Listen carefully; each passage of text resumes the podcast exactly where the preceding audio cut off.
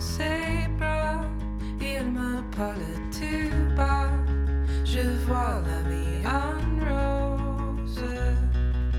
Hej och välkomna till Kinematiskt, en podd om film eh, med Hille. Krille. Felix. Nej, Fille. Jaha, nej. Vi har ju sagt det här, Ja, Felix. det är inte i det här avsnittet. Ja, det har inte satt sig än. Alltså. Ja, tråkigt. Det kommer. Mm. Nej. Avsnitt 50, inte 5, då kan jag acceptera det. Ja, Okej, Mm. ja, jag väntar med spänning tills avsnitt 50 då. Men avsnitt fem är det ju nu. Nu är det Är- avsnitt det, fem. Är det jubileumsläge?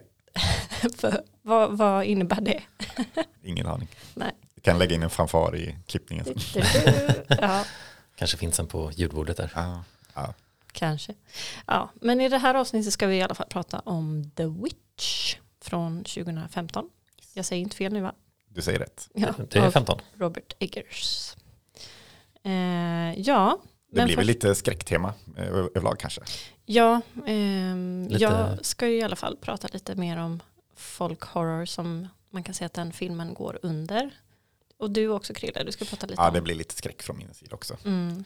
Felix går emot det här. Ja, jag, jag går lite mer eh, sci-fi, indie-film, fast eh, ja. Men du kanske ska börja då så vi kan sträcka Ja, bort så att det. vi- Snacka bort. ja. Eh, Vi kan ha samma stämning och ton på ert konversation så att vi får bort det här. Eh, en ska bort, Magnus? Ja, just alltså, det. Lattjo lajban-lådan. Ja, en ska bort. Alltså fem, fyra, nej, fem elefanter. Fem myror är fler än fyra elefanter. Ja. Inte lätt att komma ihåg när man ska tänka snabbt. Nej. Men eh, en ska bort. Och det är jag. Ja. ja, men det är kanske bra med lite mjuk start. Ja. Men ja, jag ska prata om en film från 2013, så vi fortsätter på 10-talet här i alla fall, eh, som heter Upstream Color, eh, är en indiefilm av Shane Carruth. Eh, han har annars gjort den här filmen Primer som är lite sån kultklassiker också för att vara förvirrande gällande tidsresor. Eh, och det här är hans andra film, han har bara gjort två filmer. Men vad som är intressant, han har ju typ gjort uh, klippningen, uh, cinematografin, musiken, så verkligen sån här one man show project typ liksom. Mm, på tal om eh, Förra personer avsnittet, som ja. Ja. är med i sina egna Ja, filmer. men här, här, han gör det bra här, tycker jag definitivt. Så eh, det är inte en sån eh, fälla eh, att han gör för mycket. Eh, kanske han gör, men eh, det funkar. Det är tillräckligt, han har verkligen en vision märker man.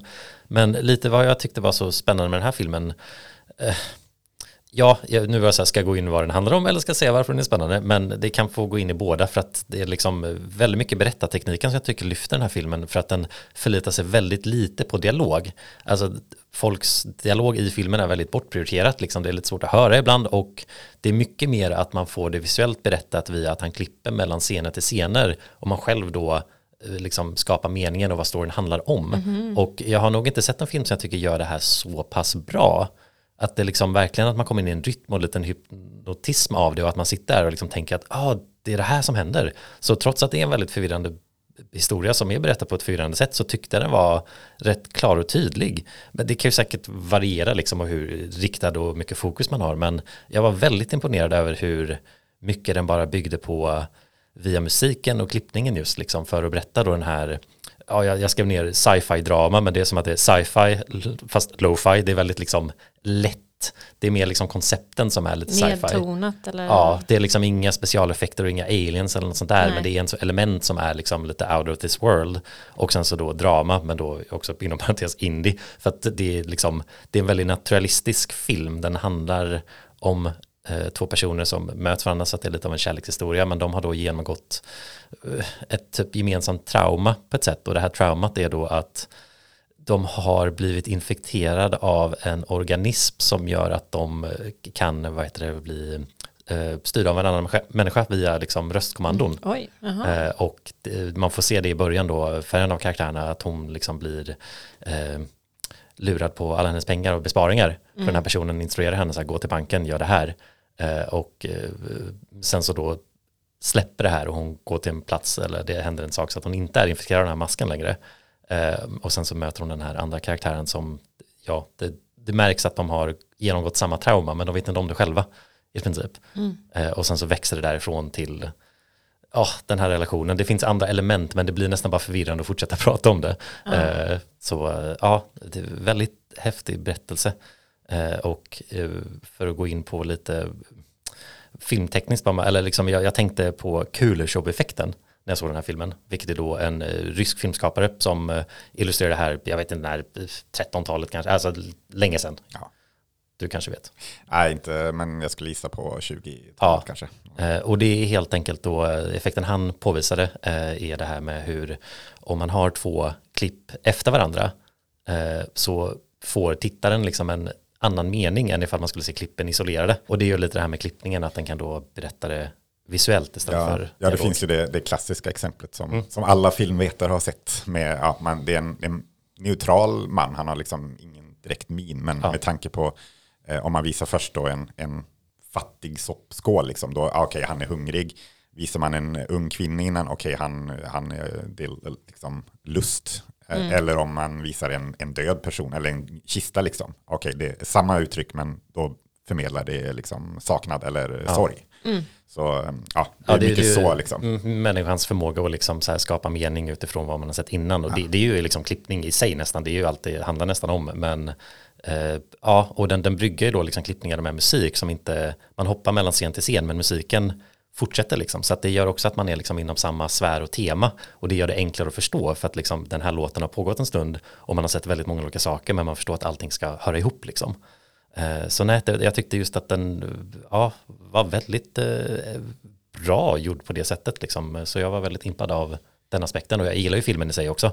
Men det var nog det som hoppade ut mest bara hur hypnotisk och välklippt den var. Men det är ju roligt också just med han Shane Carruth eh, som du sa, att han gör, gör det mesta själv. Mm. Framförallt i Primer, den tror jag kostade typ bara 5 000 dollar att göra eller någonting. Ja, där, den här ser ju inte dyr ut heller den här filmen, men, det behövs inte. Liksom. mer vet jag i alla fall. Ja. Eh, och ja, ja, men sagt i, i Primer så är det bara hans namn hela vägen. Förutom catering, där är det hans föräldrar som gjort catering till den filmen. Nice. Eh, men eh, så det är, det är kul att kunna, kunna göra ändå så pass storskaliga filmer Ja. med så väldigt små Ja. medel. Liksom. Och speciellt just musiken är typ en liksom så lite ambient instrumental och den är väldigt dramatisk så att det är liksom, man får ju nästan den här revelation-kopplingen till som man ser Interstellar typ liksom med jättemycket budget och sci-fi begrepp som de har förklarat jättenoggrant, lite för noggrant som sen ska spelas senare så att det, ja, små medel väldigt effektivt liksom och känns stort i det lilla liksom. Nej men det var, det var den jag ville prata om just eh, lite filmskola eh, eller eh, begrepp eh, i Ja. alla fall med Kuleshov-effekten för jag tycker det, är, alltså, det är ett begrepp, det, det, man ser ju det överallt i Ja. reklam, så fort det är rörande bilder liksom så har ju den effekten en mening eller Mm. Ja, det, är roll. jätte, det är jätteintressant också. Det är lustigt just i film, det är ju kanske inte så många som tänker på den här effekten, men den är ju så tydlig när man väl Mm. ser exempel Mm. och pratar om den. Yes. Eh, Jo men man bara, ja, jag minns ju när jag lärde mig om det, man bara, aha, det är ju så uppenbart och så att man inte tänkt på det liksom. Men just den här filmen, ett väldigt bra exempel på det. Mm. Men ja, det var, det var den udda ut. Nu blir det bara folk horror här. Bara och bara. Jag vet inte om Demons som Krille ska Ja, prata den om, vet jag minst om. Ja, men du kan väl få börja med. Mm, ja. Eh, ja, jag tittade på, det gjorde ju Krille också, ska inte ljuga om det. Eh, Woodlands Dark and Days Bewitched, A History of Folk Horror. Det var en lång titel. Ja, onödigt lång kan man tycka. Men ja, det är en dokumentär om folk horror då, på tre timmar. Så Nice. ja, det var en eh, utmaning tänkte jag säga, fast det var det inte så mycket. Den, det kändes inte riktigt som att den var tre timmar faktiskt. Eh, ja, men den kom förra året, den här dokumentären, av eh, Kierla Janis. Men den var väldigt intressant i att den gick, den liksom började i brittiskt eh, 70-tal som man ganska ofta brukar säga var någon slags eh, där det började men jag vet inte riktigt om det är sant så men jag vet inte, man brukar väl ofta säga att det liksom var någon slags början på folk horror. Inom film då liksom. Ja, jag tänker den folkhorror som, som de framförallt tog upp och som man Mm. kanske känner till idag började väl där. Precis. Ja. Sen finns det ju såklart, alltså, det är bara att kolla på ja, men Nosferatu och andra filmer Mm. som ju också kan klassas som folkhorror. Exakt, men det var väl då de började mynta någon slags begrepp kring det kanske. Ehm, ja, men de tog ju upp eh, Wickerman bland annat då, originalet, inte Nicolas Cage. Nej. Nej, för den här är ju från 70-talet då. Mycket bättre än eh, Nicolas Cage Wickerman. Även om den kan vara bra på ett pajigt sätt kanske. Ja, jag kanske kommer in på det så småningom. Mm. Precis. Ehm, ja. Eh, och sen, ja, den utgår ju då från Storbritannien till att börja med. Och sen så fortsätter den runt hela världen kan man väl säga.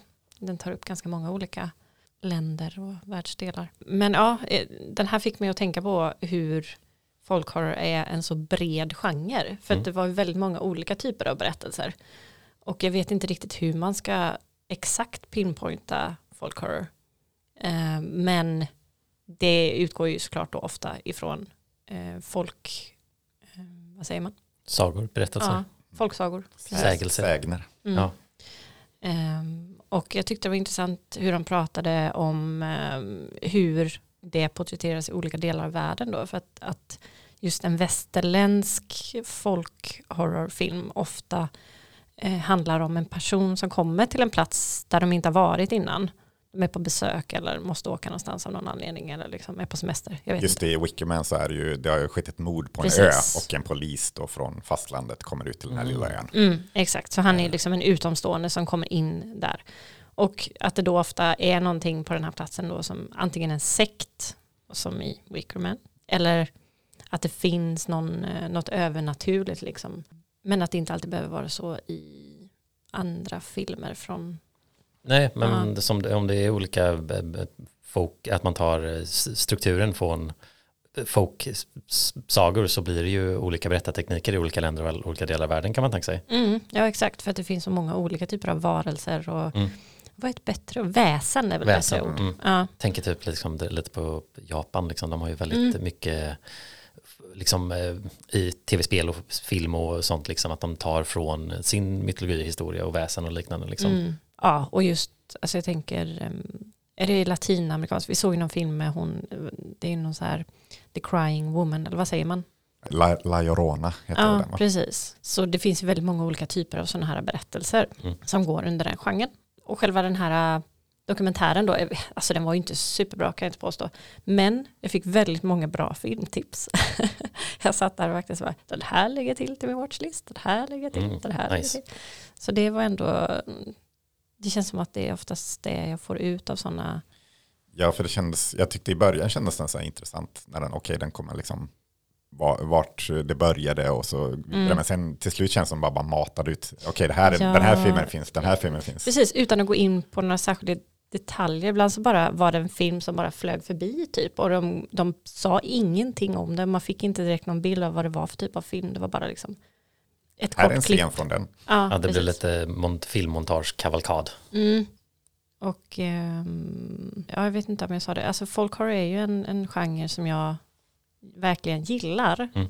Men eh, jag har inte så många favoritfilmer som är inom folkhorror för jag är så kräsen också. Ah. Eh, för att jag vet inte, det känns som att jag har så höga krav på folkhorror.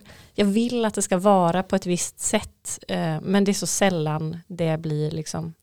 Ja, nu fick jag bara kopplingen också, jag tänker på att du säger det, jag tänker på din egna konst, du målar ju en del och liksom kan ju göra lite spöke, eller jag tänker en atmosfär, det du har målat känns som att det skulle kunna röra sig mot folk horror ibland. Mm, lite jo, lätt. absolut, Ja. det är det verkligen. Så jag kan förstå att du- du vet vad du söker Mm. när du ser inom den här genren liksom. Ja, och jag tror jag liksom har verkligen ofta krav på helheten också.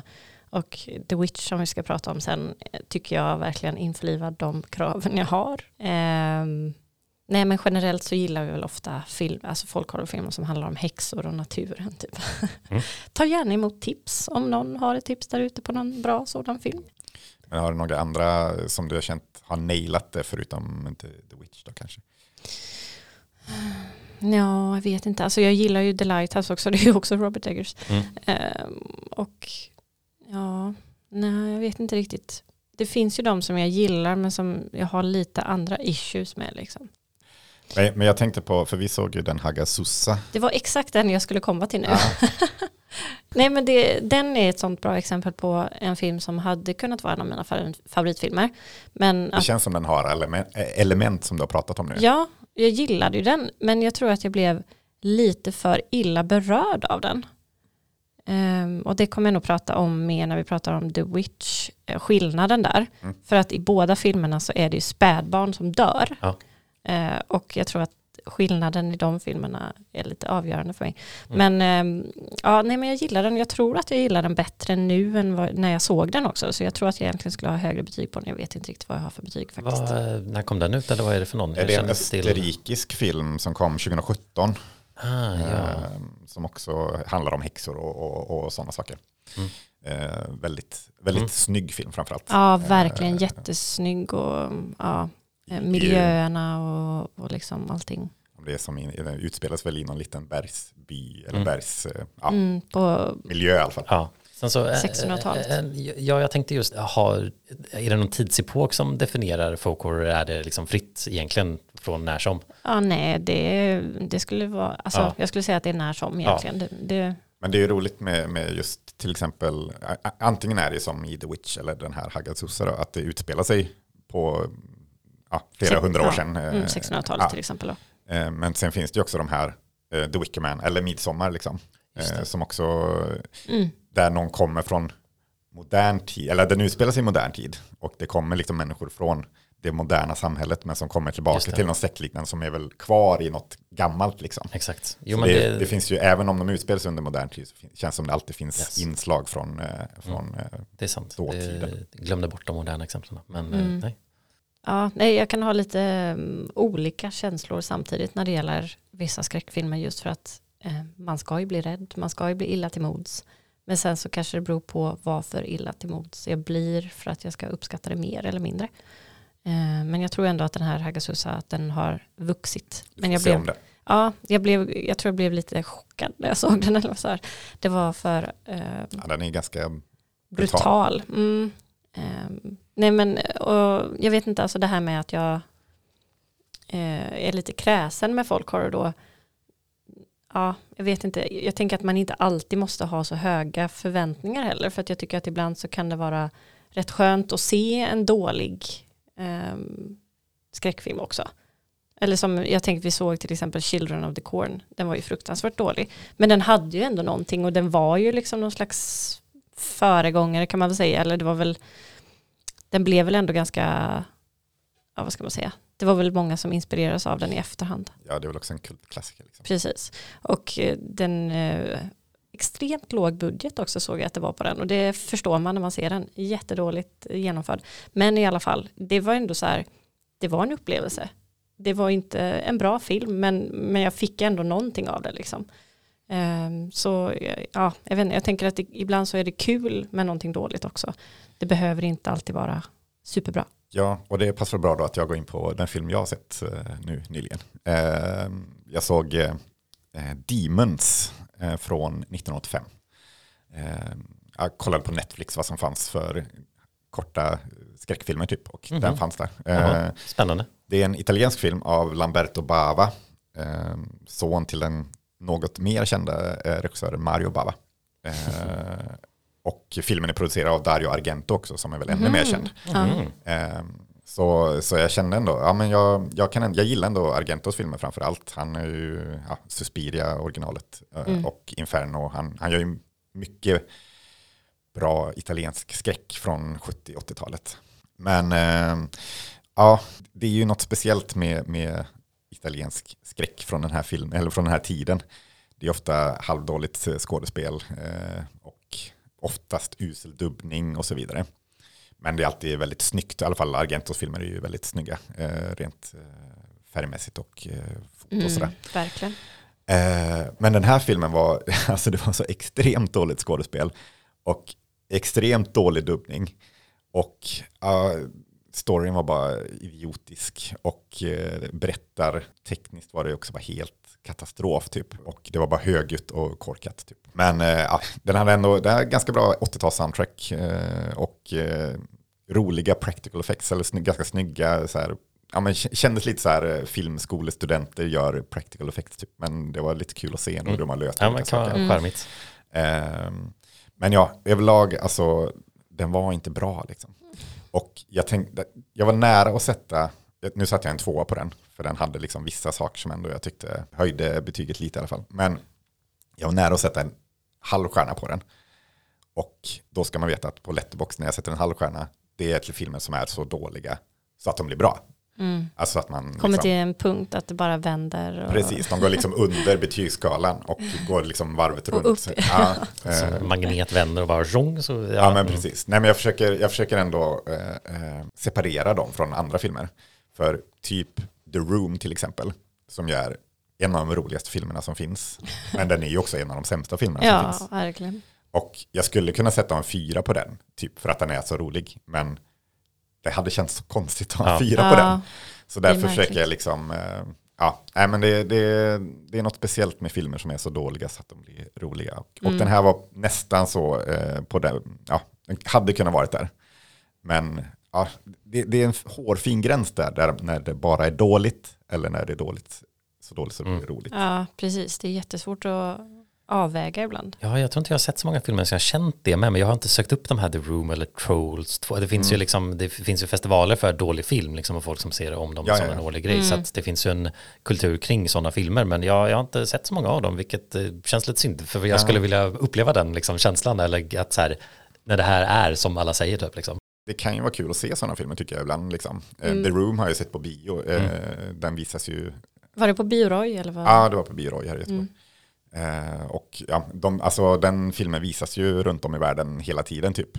Och det har liksom blivit en, en grej. Ja, det, det har blivit en, sån, en Ja. spelfilm om den filmen. Ja, med James dessutom Franco. Disaster. Artist. Ja, eh, och ja men The Wicker Man som jag var inne på tidigare tycker jag också är en sån film som jag, bara, alltså jag skrattar rakt igenom liksom. För den är The Bees! Ja, Not the Base. Men då pratar vi om eh, Cage. Ja, med, med Cage. Cage då. Eh, och, eh, men har, har du någon film som du sagt, eller liksom har sett och känner bara, vad fan är det här? Typ? Ja, eh, Eller som man skrattar liksom, fast man ska inte skratta åt den.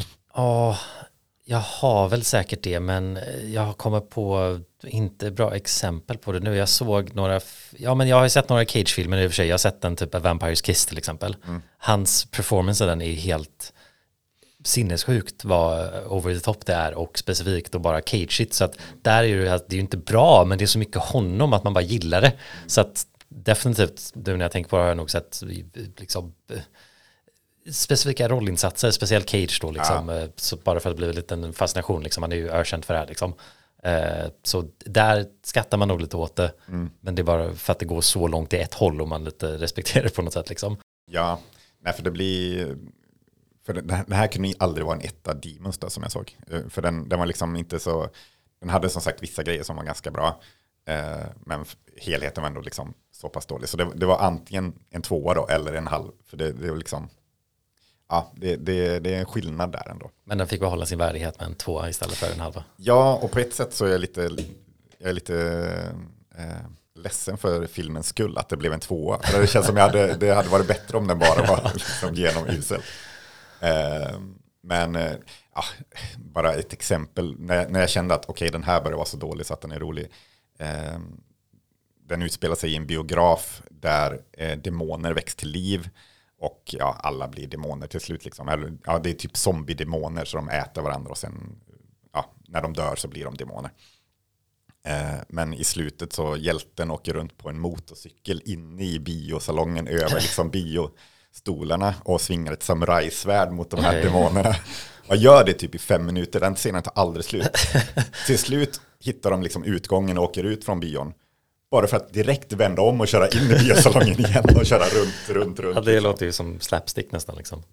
Ja, varför förlänga det liksom? Ja, nej, det då var- känns det som att, ja, då gör den ju bara för att det ska bli, Ja, Vi måste Dåligt. expandera filmen, göra den längre. ja, men typ. Eller den här ja. effekten, vi kan, vi kan göra en gång, vi gör det så mycket vi kan. det här kommer folk tycka är kul, om vi Ja. gör det igen. Men eh, det finns en Demons 2 också, jag får se om jag, om jag ser den. eh, Helt otroligt. ja, men eh, ja, nej men eh, det kan vara som sagt, det kan vara kul att se eh, usla filmer ibland. 'Twas I what stole him. I be the witch of the wood. Liar, liar. I am. Listen not to her, Mercy. I am that very witch. When I sleep, my spirit slips away from my body and dances naked with the devil. Ja, nej men då kanske vi ska börja prata lite om huvudfilmen, The Witch. Det låter rimligt. Eh, ja, vi såg ju den igår kväll och du såg den i natt. Ja, ja men igår kan vi bara säga. Nej, Ja. igår natt. Det blev lite sent, men eh, det, det var passande. Det är, ju en, Det är då eh, den ska ses. Ja, Mm. den, efter mörkret ska man se den. Men vi kanske ska börja från början och säga att den kom 2015 Ja. och är regisserad av Robert Eggers. Mm. Och vad handlar den om? Ja, men det, det, det kan jag ta. Ja, Ja, Eh, för en gångs skull. Eh, men eh, tar ju start i att man får se en eh, kristen familj som blir liksom utkastade från samhället de är eller lite medvetet de har liksom olika eh, mannen i eh, familjen har lite andra kristna idéer och eh, vill inte vara en del av den här kyrkan som finns i det här samhället och väljer att utvandra eh, och starta eget ute i skogen i New England måste jag anta att det är. Ja, det är det. Ja, den, ja New England Folktale tror jag den heter där i titeln också till och med. Eh, och eh, ja, det börjar med att den här kärnfamiljen settlar på ett nytt ställe men ganska tidigt in på filmen så försvinner deras eh, spädbarn Sam i mysteriska omständigheter som eh, ja, kan ha någonting med att göra med en häxa. Ja, det får vi ju reda, på typ fem Ja, minuter jo, efteråt. yes. Men det, det skapar ju liksom den här paranoida stämningen som fortsätter och genomgår över vad är det här för influenser och krafter som finns kring oss och hur problematiken i familjen sätts på spets liksom och eh, den här tron på det övernaturliga. Mm. Både det, det kristna och det Ja, precis. mer Religiösa och eh, mer folksägner och Mm. mm. Mm, häx. Ja, för det, det eh, Anja Taylor-Joy spelar ju Thomasin då, Mm. som är den äldsta dottern i familjen. Ja, och mest hennes perspektiv man får se Precis. Och det är hon som är med Sam när Mm. Sam då försvinner. Så det är, redan där börjar ju skepsismen Ja. mot henne väckas Ja, det är ju i övriga familjen. Väldigt bra scen också, tycker jag, bara hur Ja. det sker. Eh, väldigt snyggt gjort. mm. Det är som, ska man säga det eller ska man inte säga Ja, det? jo, men det kan man väl Ja, göra. men hon spelar ju eh, alltså Kurayama. Ja, nej. eller hon gör en sån titt ut grej, ut, så typ. heter det. Mm. Eh, och eh, plötsligt så är ju barnet borta när liksom, När hon tar bort händerna Yes. från, från ögonen. Liksom. Ja, Mm. så är, och så får man bara se att det rör sig lite i något buskage i, Ja. eh, vid skogsbrynet. Ja. Liksom, som att någon precis har sprungit in i Ja. Jo, det är ju ganska direkt i filmen. Jag tycker öppningen där, för liksom, man har liksom, när de kommer till den här platsen de har valt så får man liksom en sakta inzoomning på den här skogskanten Mm. och musiken är liksom väldigt ominous och man märker att så här, det är någonting illa till bords där så att filmen är ju ganska direkt i sin ton att skogen är okänd, onaturlig och liksom skrämmande. Ja. Mm. Eh, Så ja, den är väldigt snabb för jag tycker nästan styrkan med den här filmen, det blir ju många små saker som skapar en sån otrolig atmosfär.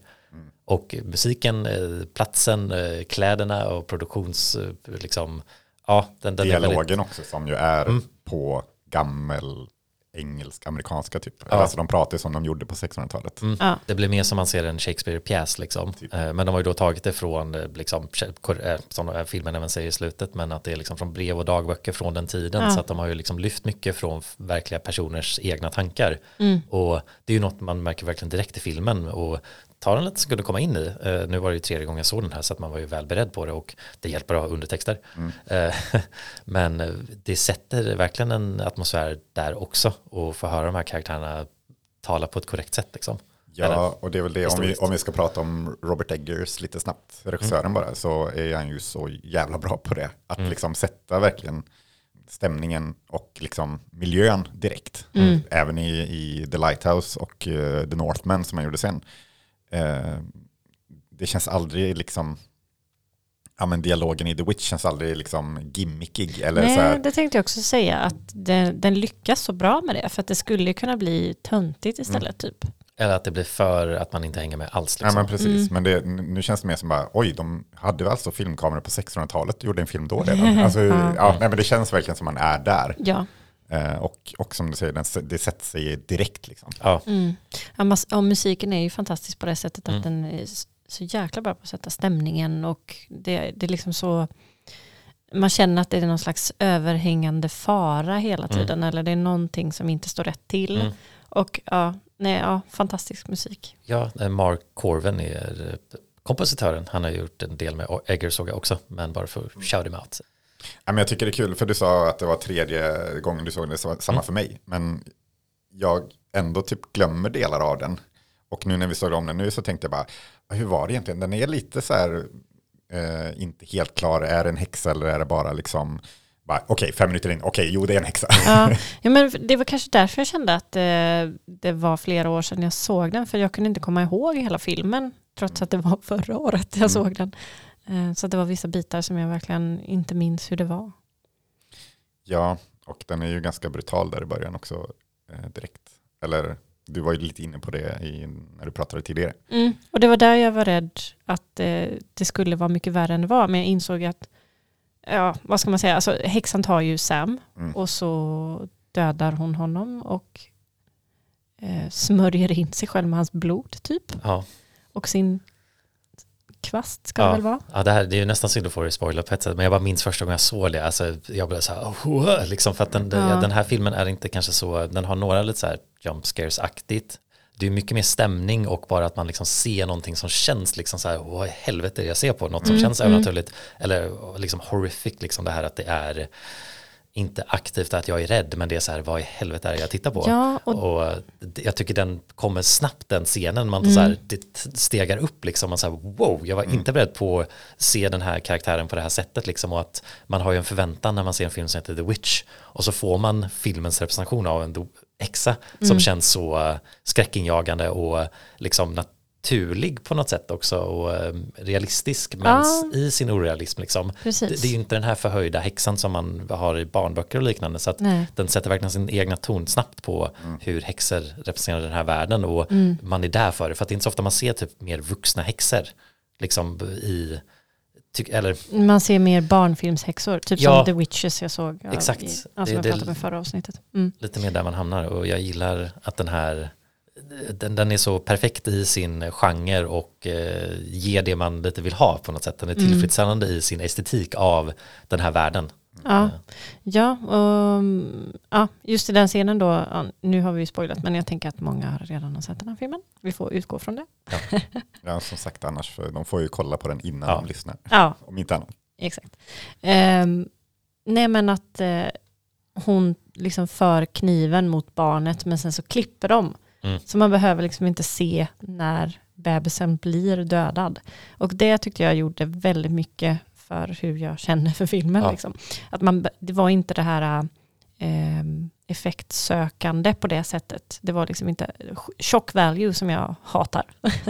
Men och Mm. där blir ju lite det här med kullershow-effekten att så här, man fattar vad som har hänt Ja. utan att behöva se det för man klipper till något annat och det, Mm. då blir det ju lite den här att man själv skapar en bild i huvudet och den scenen har också en väldigt bra klipp till musiken för att det är så sjukt att berätta men hon står ju och liksom nästan som hon tjänar smör liksom Mm. och det är ju en viss rytm till det som musiken då har och Ja. man är så här vad i hela friden, det är, den är väldigt hypnotisk och drar in en och så det här ja, stompade ljudet. Ja, Mm. jag, jag, jag tycker den scenen är väldigt, väldigt välgjord. Och, ja, eh, väldigt effektivt. jag minns verkligen första gången så var det att man liksom tappade munnen lite för man sa bara vad? Ja. Sen så, Det är fruktansvärt Ja. liksom.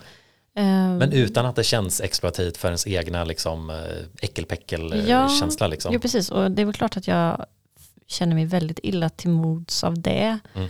Eh, Men jag tror, men alltså det funkar på ett sätt att man verkligen känner ja, men att de inte vill chocka på ett sätt, sånt sätt som många andra skräckfilmer vill.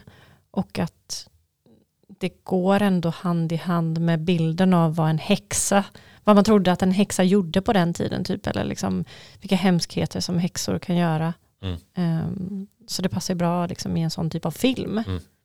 Och i den världen, eller vad man ska säga, i det liksom brutala och hemska verkligheten som de lever i på något sätt. Ja, jo, det är ju det, det är ju inte det enda hemska som händer i filmen. Nej, eh, så sätt. Men eh, det, det är det första och man, man, man blir lite så här eh, chockad av tonen på ett positivt sätt. Mm. Den lyckas överraska en liksom. Ja, det hänger med, eller i alla fall jag har liksom Mm. tänkt på det. Och det, det, ja, det är tillfredsställande när man får se de lite bitarna om häxan med. För det känns som att liksom så här, man får blicka in i en värld som man inte har tillåtelse till. Och Mm. det har ju inte karaktärerna i filmen. Men, och det är ofta liksom, det är inte som att man får dialog med häxan eller något sånt där. Men man får bara se små blickar och de är väldigt spännande liksom. Ja, precis. De avslöjar inte för mycket. Mm.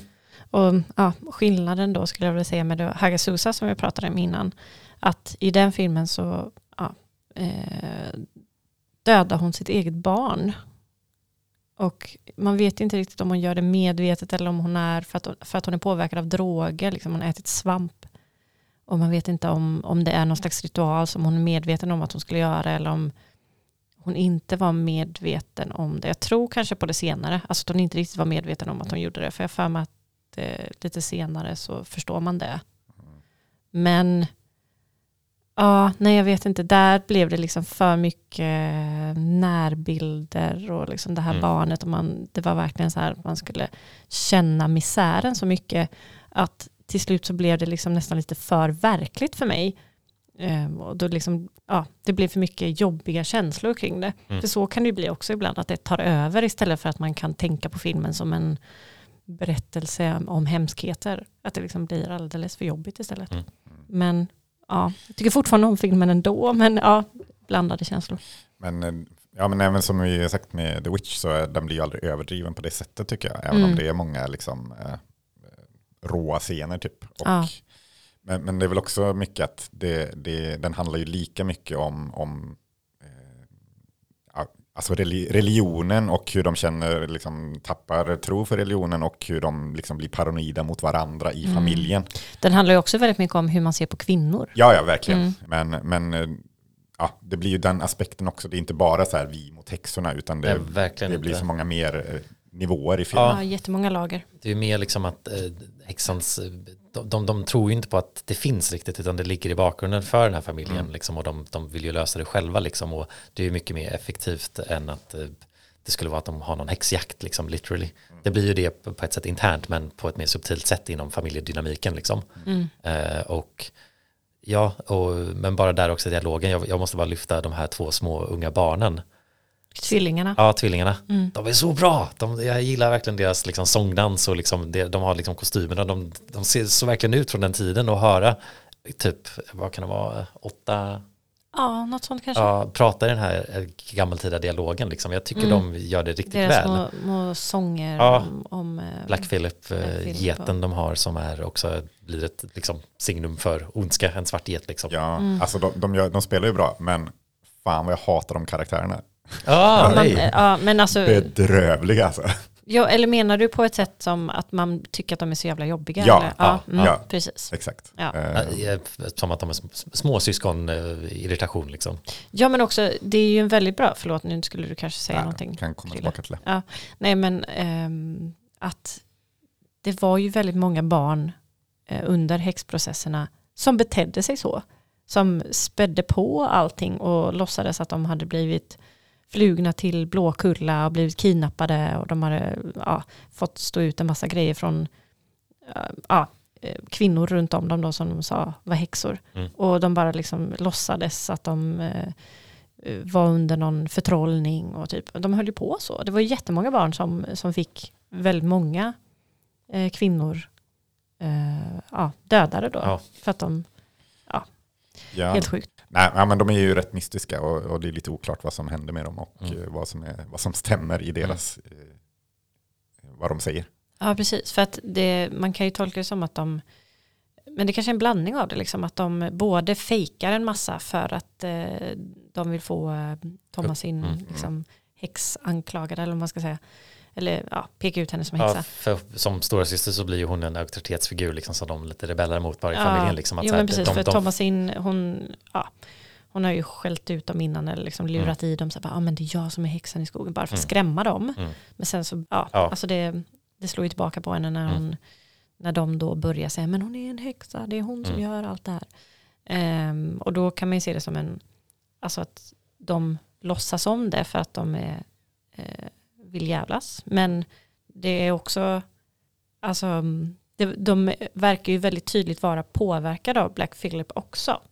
ja, det är ju en lek för dem liksom, och de vet säkert nog inte Mm. vad som är riktigt och inte. De är nog omedvetna om sin influens och omedvetna Ja, om konsekvenserna av Men jag menar att det, det är liksom. säkert det både och, Ja. jag vet inte, det här är min tolkning, men att Mm. det både är att de eh, luras, men också att de faktiskt är påverkade av Black Phillip. Ja, men det tror jag också. Eh, en annan sak jag tänkte på är ju det här med, eller ja, vi har ju varit inne lite på det, men det är ju inte så mycket, det är inga jump scares i filmen egentligen. Nej, jag tänkte och, precis på det med. Och de liksom, eh, Det är typ en. ja, en Ja. eh, kan man säga, när man hoppar till lite grann. Eh, och det är inte så mycket, ja, men som vi också sa, att de, de visar inte när de, de råaste sakerna visas liksom inte. Nej. Ehm, och eh, ja, men det, det känns som många, eller många, men det känns som vissa har ju, som har sett den här filmen, bara, ja men den var inte läskig, vadå? det här är Ja. ingen skräckfilm. Det är roligt, jag skrev ner det här, exakt det här också. Ja. jag tyckte det var intressant. Ja, Mm, men, men jag tänker att många är så vana med att skräckfilmer ska Mm. vara jump scares. Exakt. Eller att det ska vara liksom eh, mord och, och liksom Ja. eh, gore och, och, och närbilder ja. och äckliga saker. Och, inälvor som ramlar ut typ. Mm. Ehm, Men, men för mig personligen så är ju, det, det är så här en skräckfilm ska vara. Ja. Det ska vara liksom läskig stämning genom hela och, och bara liksom fucka med ens psyke typ när man ser. Exakt. det var exakt det jag tänkte också. Att det, det känns verkligen som att folk har blivit, det är så här en skräckfilm, skräckfilm är och det är liksom, jag vet inte, The Woman in Black eh, som har tusen jump, jump scares, alltså den nya Woman in Black med Daniel Radcliffe. Ehm, ja, och det är bara så här, så tröttsamt. Ja, men det, det, I Det den filmen känns det som så här, okej vi har gjort en film men den är inte så läskig. Ja men vi slänger in lite fåglar som flyger förbi så det blir Mm. så folk hoppar till. För då är det ju skräck. Ja, Ja. för liksom det skulle vara lätt att kunna se på den här filmen på typ Netflix och sen bara, hmm, det kanske är som The Conjuring eller någon sån där annan modern liksom, skräckfilm, men den är ju mer lik något, det- jag vet inte, Shining-aktigt. Ja, alltså, eller liksom thrilleraktigt thriller, liksom, om man ska gå åt det hållet. Men Mm. det är ju egentligen, alltså för mig är det här absolut en skräckfilm Mm. och det är sådana här skräckfilmer jag gillar. Ja. Men det, det är också kul att skräckfilmer har alltid det så här, de måste vara läskiga, eller liksom, eh, det, det blir en Ja. annan, eh, det är inte som man går till en dramafilm så här, den det var inte dramatisk nog. Nej. Liksom man Det var har ingen inte som en grät ju. gauge av det liksom, eller så här, Ja. eh, kanske action så här, det var inte bra action nog, men Mm. det, skräck definitivt har ju verkligen den förväntan från, kanske inte alla, men många som gillar att se skräckfilm för att det är en del av upplevelsen, för att det blir lite mer som en, alltså om man tänker på en berg och dalbana liksom, Ja. om man går på bio. Ja, men för jag tycker det är intressant för den här, eh, det fi- finns ju liksom en American Horror Revival som ju, ja, andra halvan av 10-talet liksom, eh, började väl med, med ja, ja, jag skulle säga It Follows, och, som kom 2014 då, och så den här kom 2015. Nådde väl lite sin kulmen eh, med Get Out 2017 och Hereditary 2018. Eh, som ja, men, gjorde film på ett nytt sätt. Jag såg någon hade jämfört liksom med de, de, de mest populära skräckfilmer från 10-talet jämfört med 00-talet. Och liksom 00-talet, ja men då var det liksom så och sådana filmer. Det Ja. var Och liksom, så vidare till Paranormal Activity. ja liksom. men precis, antingen var det found footage, liksom red på Blair Witch Project-vågen, eller så var det liksom tortyrporr, eh, alla så-filmerna liksom. Mm. Det var, och det är klart, har man växt upp eller är van med det från 00-talet Ja. och så kommer de här filmerna, liksom, det är klart det blir ju en, det är en väldig skillnad. Ja. Ehm, men, men jag är glad att, att det skiftet har gjort i amerikansk Mm. skräckfilm i alla fall. Mm. Ja. Eh, för det är så mycket bättre. Eller hur? Eh, men, men, eh, ja, men det är inte, jag tycker det, det finns ju väldigt må- många bra eh, amerikanska skräckfilmer från andra delen av 10-talet, då, just Mm. den här revival-perioden som Ja. det kallas. Ari Aster och Jordan Peele är väl liksom ansiktena utåt och Mm. kanske Robert Eggers också då. Eh, sen så jag lyssnade lite på en podd också eh, med Eggers eh, om The Witch och eh, vad som var lite intressant, han har visst en bakgrund i liksom så här production value, eller alltså vad säger man på svenska, produktions, eh, inte värde, men eh, alltså hur filmen ser ut gällande kostym och liksom Mm, eh, miljöer någonting om det också. och eh, liksom eh, sånt och jag tycker den här filmen känns kanske dyrare, den ser väldigt bra ut men den gör mycket med lite, det är inte så många locations de har liksom eh, så sett och de har ju en scen med många personer i början men jag vet att han liksom, det var ju typ mycket av vår budget bara för att vi skulle ha typ 20 personer i tidskorrekta kläder typ liksom. Ja. Men det funkar och liksom, jag, en grej med öppningsscenen just också som jag tycker är så, också det här att den visar lite som känns mystiskt att man dras in i världen är att när de lämnar då det här samhället så sitter de liksom på en vagn men perspektivet är liksom att de går ur staden och liksom portarna stängs, Stängs, mm. och där ser man liksom några liksom native americans gå förbi och sen är det en så här conquistador och någon annan och man bara känner så här, oh vi är på 1600-talet liksom Mm. men man ser liksom det i typ fem sekunder men det räcker för att känna sig så mycket att man är i den världen för sen är man bara i den här deras hus i en skogskant liksom. där ja. Mm. Det liksom blir en sån simpel område men de Ja. utnyttjar det också att man har liksom, de går till bäcken, de har där, ja, familjens liksom hus och lite sånt där. Jag tycker det är väl uttänkt och väl valt eh, och ser väldigt bra ut med typ eh, naturligt ljus och sånt där. ja, verkligen. Men det känns som de, de hade ju lätt kunnat falla i fällan att ha liksom flashbacks till, för de, de pratar ju ofta om tiden i England innan de flyttade till eh, USA då. Eh, och ja, för att liksom försöka liksom, eh, få någon slags bakgrund, men det, det behövs ju verkligen inte och jag är väldigt glad att de inte gjorde det. Mm. Eh, det, det räcker med att, de, att mamman nämner att hon saknar England eller att hon, ja, de, de minns liksom. Eh, och det är väl det är väl det han är så bra i storytelling, att han vet vad han ska Och- och- visa och ha ja. med liksom. Och det skapar ju också ett lager till den här filmen att de är utvandrare och att det, det finns ju en scen där Thomasin pratar med lillebrorsan eh, Caleb som också är en av de lite större barnkaraktärerna i filmen eh, om minns du inte att vi hade liksom eh, fönster i England? Och han bara, "Va?" Glasfönster Ja, liksom. nej det minns jag inte. Och sen bara någon annan minne, bara, ja men det minns jag lite var. Eller det är, väl- det är en intressant aspekt av vilka de här är och att olika personer minns olika hur de haft det och att det är då den här pappan som har drivit dem längre och längre ut i utkanten på grund av hans liksom, sätt att se kristendomen som han hävdar är korrekt liksom. Eh, och det blir så, de blir så sårbara liksom, i det på ett sätt också. Ja, Eh, men- isolerade. Ja, men det, för filmen känns ju lite som en kritik mot kristendom och religion. Eller man ser hur Ja. det skapar fällor och för dem själva. Och Mm. liksom om man pratar i stort, ni kanske håller med om det här också, men eh, om man går in lite på spoilers i filmen, ish liksom eh, tematiskt, men det känns ju lite som att eh, filmen visar att häxor finns inte, de skapas Mm. delvis. Ja, Att liksom eh, det, samhället är emot unga kvinnor speciellt, kanske de som Ja. är singelkvinnor också. Eh, och det leder liksom till den här eh, väl, eller valet till att vara något annat utanför det här kristna samhället som då häxor kan få representera liksom. mm. Och jag tycker den här filmen visar det liksom lite snyggt kanske när man ser den en gång till att det känns mer tydligare filmens slut liksom. ja.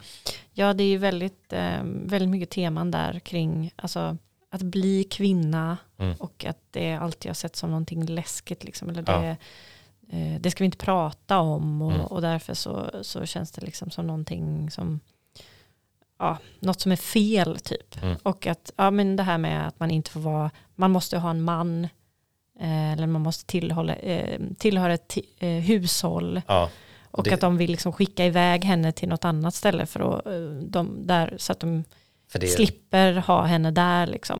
Det, det känns som det finns otroligt mycket mer lager där. Och, alltså, att prata om den feministiska biten.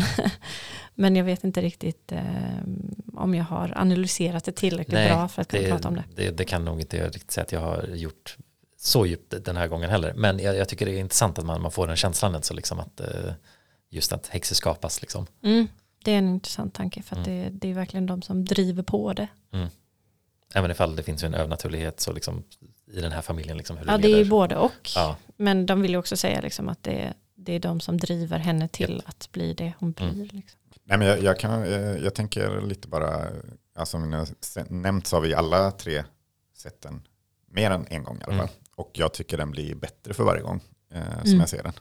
Och eh, ja, jag vet inte, det är inte så ofta jag ser om filmer. Eh, men jag vill ofta se om filmer. Men det finns inte tid till det, för det finns många filmer jag inte har sett som jag vill se. Eh, men det, det känns skönt ibland att göra det och känna att, eller oftast, i alla fall med bra filmer, så växer de liksom och Mm. man hittar nya saker eh, och sådär. Mm. Eh, jag vet inte, hur, hur tänker ni kring att se om filmer? Eller så, ja, det är en bra fråga. Jag, jag kan gilla att göra det, men jag, jag kan också känna att det är ett avvägande att så här, kan jag se en ny film? Det kan vara väldigt berikande, eller ska man se om den? Men det skiftar, eller ofta ifall det är en film jag verkligen gillar, då bara blir det att jag ser om den. Och liksom de få gånger när man verkligen gillar en film, då kanske jag ser den liksom två, tre gånger inom en kort period liksom. Eh, Men det händer inte så ofta. Eh, Men eh, nej, jag gillar att se om filmer, men ja, lite som du, att man ibland, bara, men jag kan ju se en ny film liksom. Mm. Det, borde jag göra, det känns mer värt liksom. Men eh, jag tycker definitivt finns ett eh, nöje och en del av att ta in konst, alltså vare sig det är musik, eh, musik är väl ännu enklare att lyssna om igen självklart, men böcker och att liksom en del av det hela är att se någonting igen. Så Mm. ja, jag brukar se det som att inte försöka se det som något negativt och välja att se om en film. Liksom. Mm.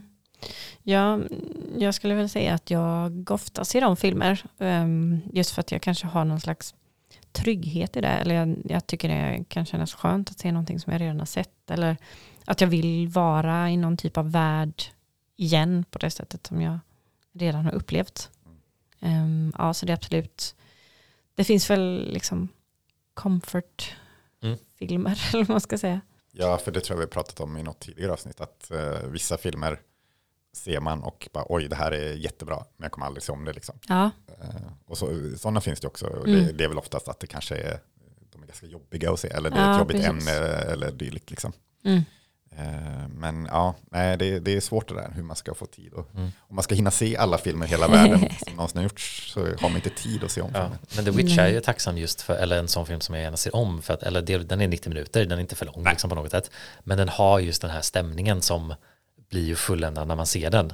Liksom, och det, det är lite comforting att komma tillbaka till den här folk horror-känslan. Jag kan tänka, eller du sa ju att liksom den här är en, den gör allting du gillar med den här genren liksom. Ja, Och jag, liksom, visst, den, den är ju liksom en lite jobbig film att se delvis, Ja, men det är absolut. fortfarande en atmosfär och Mm. fantasi man kan komma in lite som att man läser en fantasybok eller liksom man kommer in i verkligen en annan värld. Och ja. det, det gillar jag med den här filmen, och bara skogen och tallarna och ja, att det, det, det är mörkt på ett mysigt sätt. Mm. Alla detaljer och hur den är filmad och ja, musiken och stämningen och Mm. estetiken. Everything. Den är Ja. så blek också. Eller den är, Mm. den är så bleka färger liksom. Mm. Men Det som, på, ja. som passar ju så väldigt bra. Mm. tycker Och eh, ja, snabbt, eller jag vet inte om ni tänkt på det också, men eh, mot slu- den har ju några referenser till Goya, alltså målaren. Han har ju gjort lite Witches Sabbath och Witches Flight, de två Ja, tavlorna. just det. Ja. är Mm. ju absolut influerade på delar av den här filmen och de delarna är ju fantastiskt snygga. Ja. Mm. ja, verkligen. Och det gillar jag också att den liksom tar influenser från oljemålningar liksom. Mm. Det är alltid en hit för mig Ja. i alla fall. Ja, men just lyckas anspela på his, den historiska estetiken av häxor liksom. Och jag vet att Robert Eggers i den här podcasten, han kommer ju då från New England och har ju vuxit upp med delvis en rädsla för häxor. För det var ju i närheten av Salem som finns i USA, så att det fanns ju i hans barndom och han har sagt att en av de första mardrömmarna han hade var om häxor just liksom. Så han har ju levt säkert med den här viljan och vilja göra något sånt här länge liksom. Och Ja. eh, man märker att han, för han pratade om att han var först inte nöjd med platsen de hade valt för att det var inte tillräckligt stora träd. Så de filmade visst i Kanada, men han ville ha liksom ännu större träd. Liksom, så här, men jag bara gillar den biten att någon sa bara nej, det är fel träd. Liksom. Eh, att det, det finns en tanke och vilja till att representera det på rätt sätt. Liksom. Mm. Eh, En sämre regissör hade inte brytt sig om träden. mm, Nej. mm. Och det, det märks liksom. Ja, men eh, ja, jag vet inte, om vi inte har något annat så kanske betyg. Ja, jag Mm. tror det kanske... Ja, jag, Ja. tror, jag tänkte säga dags för din lista, men betyg hade jag glömt. Ja, Ja. vi kan ju sätta betyg först. Ja. Fem. Gillar fem av fem. Ja, det har jag. Mm. Jag har fyra av fem. Ja, jag tror jag satte en trea första gången jag såg den. Mm. Eh, Men sen har den växt och växt. Eh, Mm. Fyra har nu nästan, nästan satt den uppe och nosa på eh, femma. Liksom. Mm. Mm. Men, Men, men, men den, det, det är en sån solklar film på något sätt. Liksom. Ja. Det, finns, det finns några delar jag gillar lite mindre. Jag kan tycka den här Caleb-karaktären att några av hans scener inte riktigt funkar riktigt lika för mig. Och ibland så är det lite så här mycket familjedramatik. Mm. Men det är lite nitpicks liksom. Och beroende på hur många gånger man har sett film. Eller liksom, ja, jag tror också att det har hjälpt efter att ha sett eh, The Lighthouse och eh, The Northman och liksom bekanta sig mer med Eggers som regissör så Mm. har jag liksom lärt mig att gilla den här mer och mer också. Men, eh, men väl värd att, eller ja, den bör ses om Ja. man gillar skräck i alla fall. Ja, och den, den är ju som sagt inte som vi var inne på liksom en jobbig skräckfilm på det sättet att den, man sitter där och liksom kastar popcorn överallt. Liksom. Mm. Du, du, den, den, den bygger inte på den sortens spänning. Liksom. Nej, Det är mer atmosfär. Liksom. ja. Ja. så om man inte är ett fan av uh, jump scares så kanske man gillar den här. Like Philip. I conjure thee to speak to me. Wouldst thou like the taste of butter? A pretty dress? Wouldst thou like to live deliciously? Yes. Yes, men som vanligt så avslutar vi med en lista. Och eh, idag så blir det passande nog topp fem filmhäxor. Yes. Såklart. Vad annars? Eh, utöver då häxan i The Witch. Den kanske hade varit med, men det är kul att ta fem andra exempel. Eh, men först också ett hedersomnämnande till eh, Magica the Hex. Som ju, eh, ja, kanske min första crush typ. ja, jag vet inte. Det var kanske ingen slump att min första flickvän hade svart page i alla fall. Nej. Eh, Vi säger väl så. eh, men ja, eh, hedersnämnande till Magica the Hex från eh, Kalanka och ja, Kalankas värld. Eh, men på plats fem, eh, det finns många att hämta från Ghibli-världen. Men jag landar vid Yubaba ändå, från Spirited Away. Som ju, ja, ikoniska hud, utseendet med det gigantiska huvudet Ja. eh, som, som styr det här badhuset då, som Mm. det mestadels utspelar sig. Ja, men som sagt, det finns ju många från Ghibli. Mm. Kiki är ju en, en annan sorts häxa. Som Mm, eh, lite trevligare häxa. Ja, precis. Och det finns ju i andra filmer Det också. finns ju fler häxor i Spirited Away till och med. Ja, till och med det. Mm. Eh, men, men Yubaba känns Ja. på något sätt mest ikonisk. Ja, Solid det får choice. man ändå säga. Eh, plats fyra, eh, The Blair Witch, The Blair Witch Project. Mm.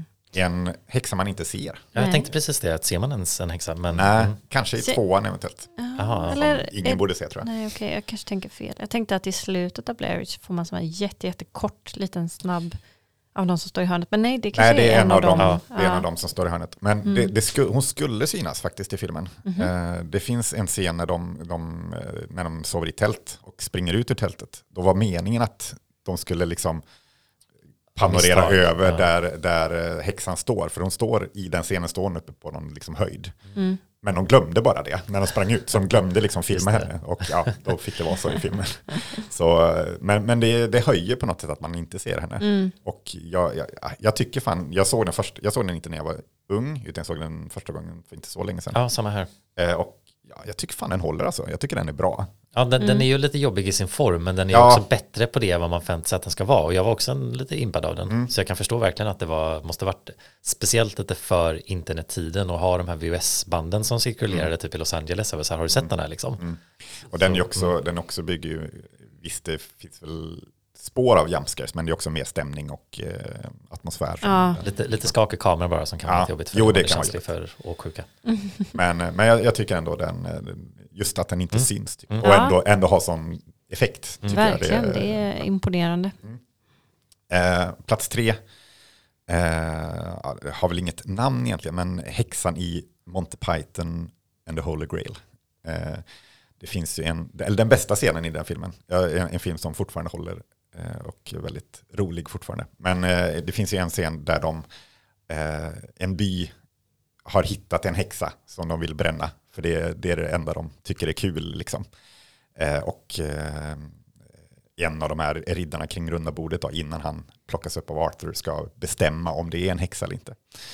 Eh, och ja, det är obvious så har de ju bara klätt ut henne till en häxa. Det är bara, de vill bara bränna någon liksom Mm. på bål. så, så det är inte så jävla noga. Eh, men de kommer till slut i alla fall fram till varför hon är en häxa. Eh, om en häxa väger lika mycket som en anka eh, så måste, måste personen vara gjord av trä och därför är det en häxa. Ja, Eh, bra resonemang. Ja, precis. För häxor flyter ju när de slänger den i vattnet Mm. och då vad flyter annars? Trä och ankor. Och, ja. Ehm, så då ska de väga henne och se om hon väger lika mycket som en anka och i sådana fall är hon en häxa. Men det är otrolig scen eh, Mm. och väldigt rolig. Ehm, så ja, minnesvärd häxa helt enkelt. Mm. Eh, plats två, eh, Vi, Ja, den ryska filmen från eh, 60-talet. Ja, en helt otrolig film. Ja, verkligen. som handlar om en präst som ska ha någon likvaka för en kvinna som har dött i typ tre dagar. Eller tre nätter ska, hon liksom vara där, ska han vara där och vaka. Och på vägen till den här byn som man ska ha det så stöter han på en häxa. Eh, som förtrollar honom, typ, eller ja, Mm. flyg, fly, använder honom som eh, flygdon. Så att de flyger runt med, med, med honom. Eh, Men sen när han kommer till byn så inser han att den här kvinnan är ju den här häxan som han hade mött. Och ja, sen Mm. händer massa skumma saker. om Hette häxan? V-I-Y Ja. heter filmen och Ja, växeln. Okej, ja, okej, det var för det var, jag var lite förvirrad där. Mm. Filmen heter i alla fall Vi. vi. Men ja, det är eh, absolut en, en folk, eh, jag vet inte om man kan kalla det horror, men jo, Jo, det, det är det ju. det. Det är bara att verkligen. den är, ja, den är ju lite, ehm, alltså alla de här utklädda varelserna Mm. är ju helt fantastiska. Alltså man fattar inte hur de kunde göra dem på den tiden. Men det blir ju också lite pajigt då, men ändå på ett nice sätt tycker jag. Ja, man är kanske inte så rädd för det, men man, Nej. gillar, man gillar ändå stämningen i Ja. den. Och, eh, Ja, väldigt. Ja, den, är, den är helt otrolig. Eh, eh, borde ses. Eh, men plats ett. Eh, vi har nämnt filmen tidigare tror jag. Men eh, Suspiria, originalet. Då. Jag, har fakt- jag har inte sett eh, remaken än. Ja, nej, Eh, okay, jag gillar remaken men ja, jag, jag, älskar ju ja. originalet. Eh, en av de bästa skräckfilmerna som gjorts. Eh, men ja, det, det utspelas ju på en dansskola där folk dör till höger och vänster. Eh, och eh, det kommer fram då att skolan styrs av någon slags häxring Mm. ring typ.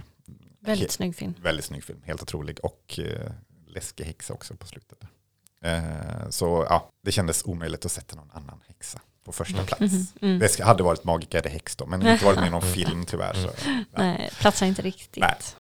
Eh, Men ja, med den lilla listan så avrundar vi detta häxiga folk avsnitt eh, och eh, kan passa på att annonsera vad vi kommer se om två veckor. Mm. Då blir det inte häxor. Nej, Nej. det blir svenskt och det blir fucking Åmål. Yes. En bra Moodysson-klassiker som jag tror ni alla kanske har sett en gång i alla fall. Den är värd att se om Alla känner ju till den i alla fall. Ja, ja. men har ni sett den så välkomna att lyssna nästa vecka eller de två veckor. Men se om den också ifall ni känner för det för att Ja. den, den, den står upp tycker jag senast en jag såg den. Klassiker ändå. Det blir nog kanske tredje gången jag ser den nu när vi ser den igen. Jag tror det blir så för mig också. Ja, jag tror, Mm. eller fjärde kanske till och med för Mm. mig. Jag vet att jag såg den på lärarutbildningen också. Ja, ja, jag, jag, hade, nej, jag såg delar av den på West West också något år sedan när de intervjuade de två skådisarna. Det var Ja. lite sant. De såg typ, eller hon som spelar den blonda såg exakt likadan ut. Mm. Det var Mm. bara så här, det är ju hon. Liksom. Eh, I alla fall, sen så vill jag också nämna att jag, jag tror jag kommer slänga ut en liten häxig spellista till det här avsnittet som vi kanske postar Mm. på Instagram. Jag känner att det finns så mycket till den här estetiken och temat så det var som när jag tänkte på vad vi pratar om här så var det så här så många artister och musik som kom i huvudet så det känns kul att göra en liten, eh, liten tematisk lista för eh, sommarnätter. Jag vet inte, kan spara den till halloween eller någonting. Ja, men nice. Mm, så det, det tänker jag att vi Ja. fixar också. Men in Mm. och följ oss på Kinematiskt på Mm. Instagram för att hålla utkik efter den listan. Ja. Ja. Eh, Ja, exakt. Och eh, följ oss annars personligen, håller på att säga. Eller Letterboxd också. Eh, Mm. Om ni Ja. laddar ner och skaffar så är det ett bra tips också. Där för- kan man ju också se alla filmer vi pratar om det, det får vi nämna. avsnittet. Så om det är något man eh, blir sugen på att kolla upp så är det Ja. bara att kolla listan Ja, där. Man verkligen- behöver ju inte ha ett Letterbox-konto för att kunna se den listan. Precis. Ehm, ja, vilken låt blir det att vi avslutar med? Blir det The Witch med The Sonics? Ja, Ja, det Vi tycker jag vi kan köra på. Gammal 60-tals rockklassiker som eh, också med filmtemat då var intromusiken till gamla filmkrönikan. Eh, filmprogrammet Lite på ku- SVT. kuriosa där. Precis. Mm. Så passa både till film och till The Witch. Yes. Men eh, med det säger vi hej då. Hej då!